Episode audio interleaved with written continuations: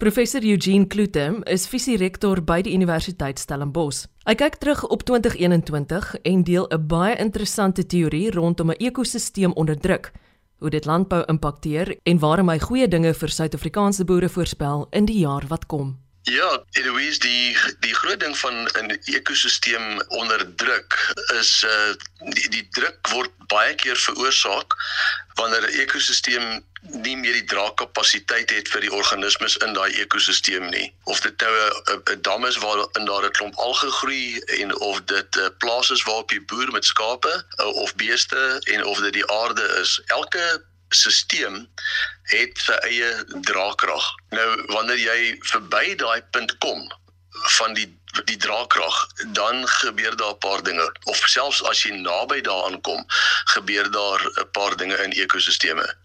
Die eerste ding uh, wat gebeur is dat onstabiliteit die verhoog en ons sien dit uh, uitspeel op die oomblik in die wêreld. Die wêreld is baie baie onstabiel op die oomblik.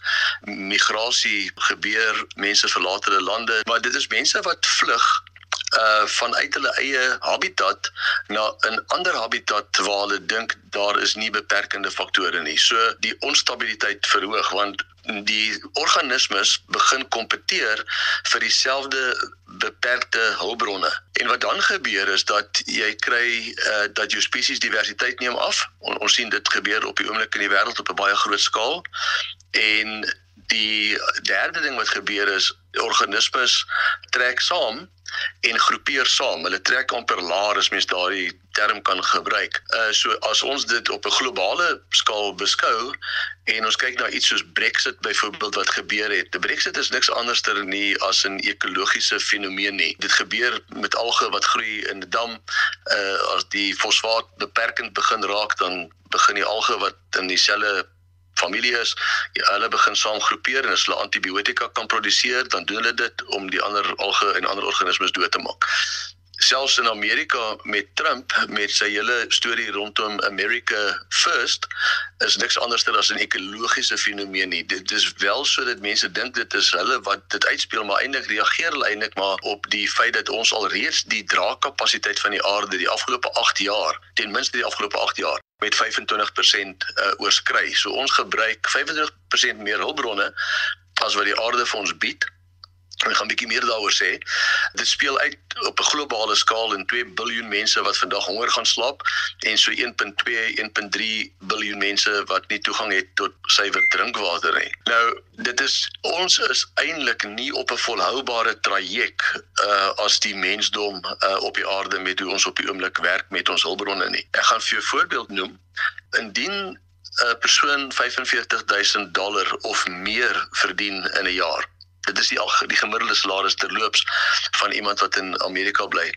En ons baie sulke mense in Suid-Afrika, baie sulke mense in Europa. Dan is jou voetspoor wat jy nodig het om jou verbruik te ondersteun 10 hektaar. So jy 10 hektaar nodig om jou verbruik te kan onderhou. Nou as mens almal in die wêreld na daai vlak sou neem met daai selfde verbruik van die gemiddelde Amerikaner, dan kan die aarde net 1.2 biljoen mense huisves en nie 7 biljoen wat ons op die oomblik is nie.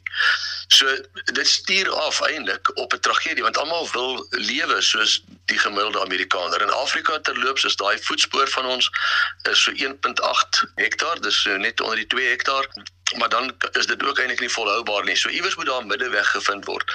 Maar wat het gebeur? Ek kom terug na my ekosisteem voorbeeld wanneer 'n ekosisteem uiteindelik verby daardie draagkapasiteit gaan dan skop daar 'n homeostatiese meganisme in. Nou 'n homeostatiese meganisme is 'n meganisme wat dinge stabiliseer en dis baie onduidelik wat dit presies is omdat dit so ongelooflik kompleks is. Maar nietemin die homeostatiese meganisme skop in, dan's daar gewoonlik 'n katastrofiese gebeurtenis wat gebeur en dan stabiliseer die ekosisteem weer binne die draagkrag van die ekosisteem. Nou, een van die dinge wat ons as die mens geweldig bydra toe is die natuurlik die klimaatsverandering. Uh soos ons almal weet. En ek het gedink uh vanuit 'n ekosisteem oogpunt, wat gaan gebeur wanneer ons nie iets meer daaromtrent kan doen nie? Wat gaan gebeur op die aarde? Dit gaan dit gaan sal katastrofies wees om in te kom by die draagkapasiteit, maar toe gebeur daar eintlik iets totaal onverwags Uh, toe kom COVID-19 en wat doen COVID-19?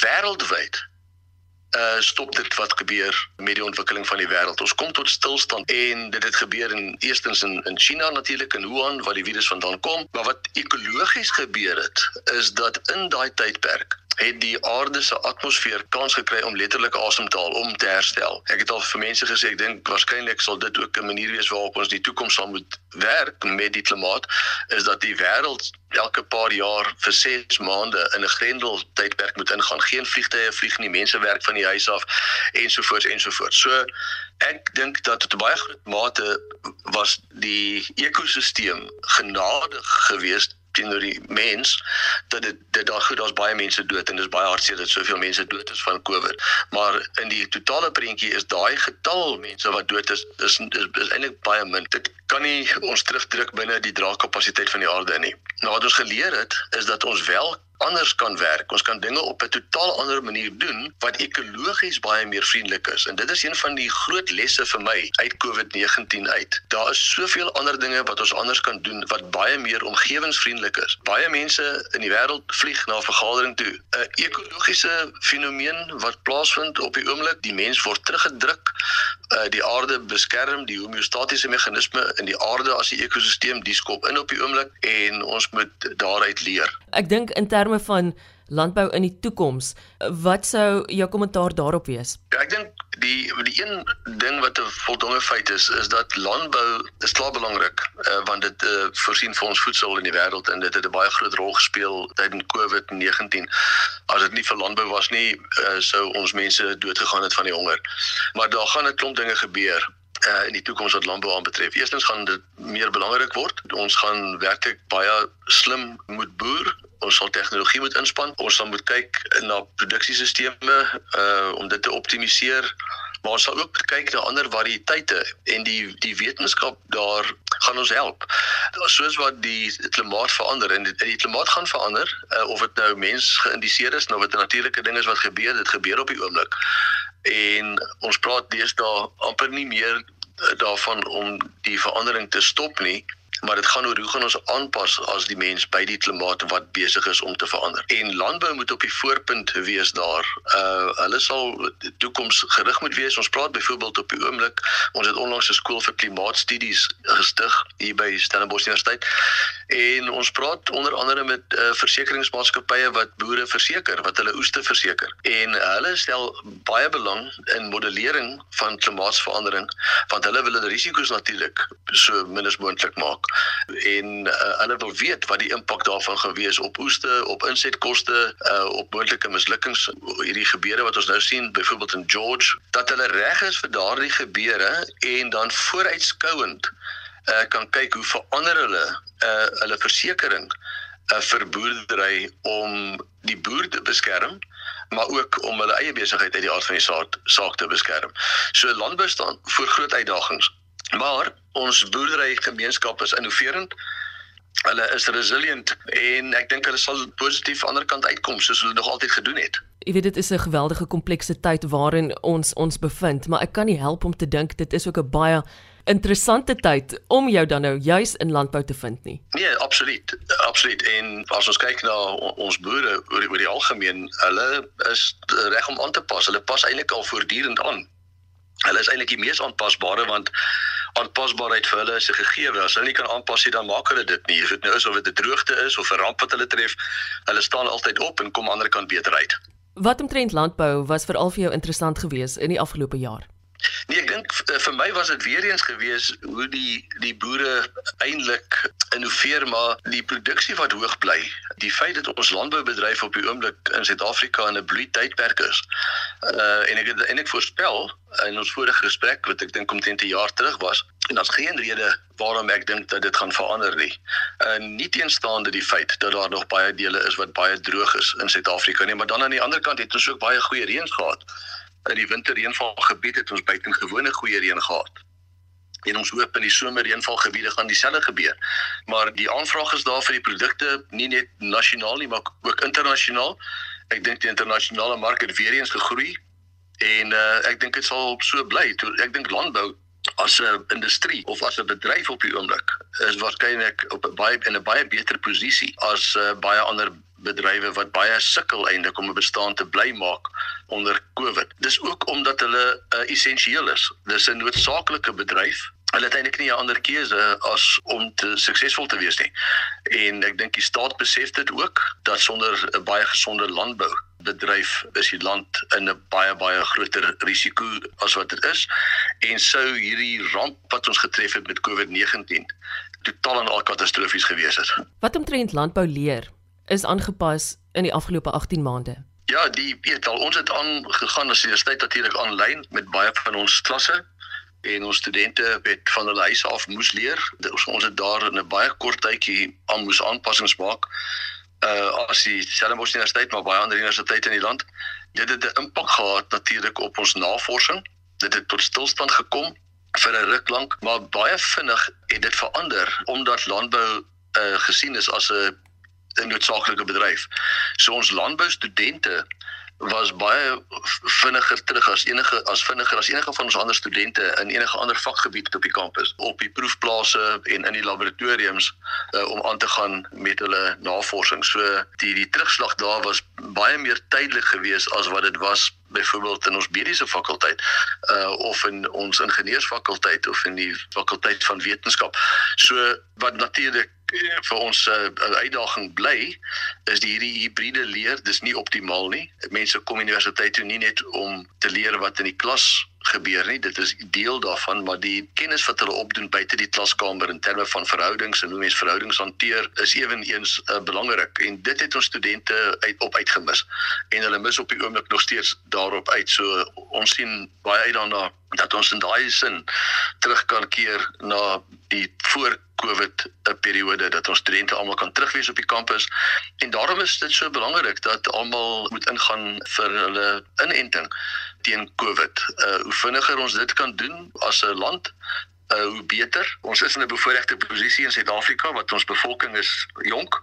Die gemiddelde ouderdom in Suid-Afrika is 27. Dit het ons natuurlik ontsettend baie gehelp met COVID-19 in vergelyking met die Europese lande.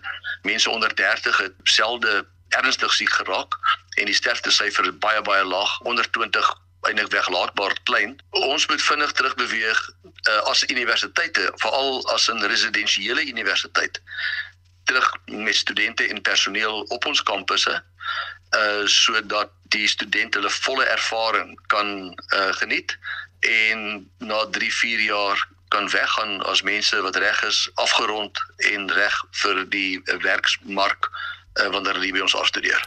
Met dit in gedagte, hoe gaan universiteitslewe lyk in Suid-Afrika in 2022? Dit is 'n baie moeilike vraag uh om te antwoord want daar is 'n paar onsekerhede. Ek dink om dinge terug te kry na die voor-Covid tyd is ek praat aspres nie van uh, die ou normaal en 'n nuwe normaal nie want daar was nooit 'n ou normaal nie, daar sal ook nie 'n nuwe normaal wees nie.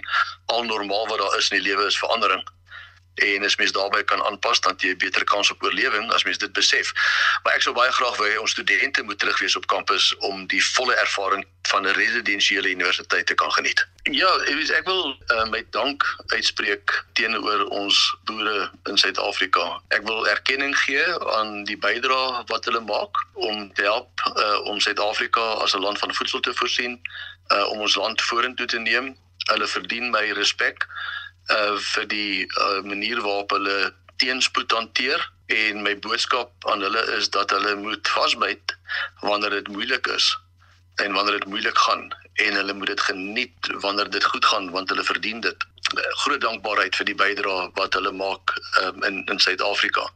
En ek dink baie mense in die land uh, voel so en uh, ondersteun ons boere. Ek wens vir alles van die beste vir 2022.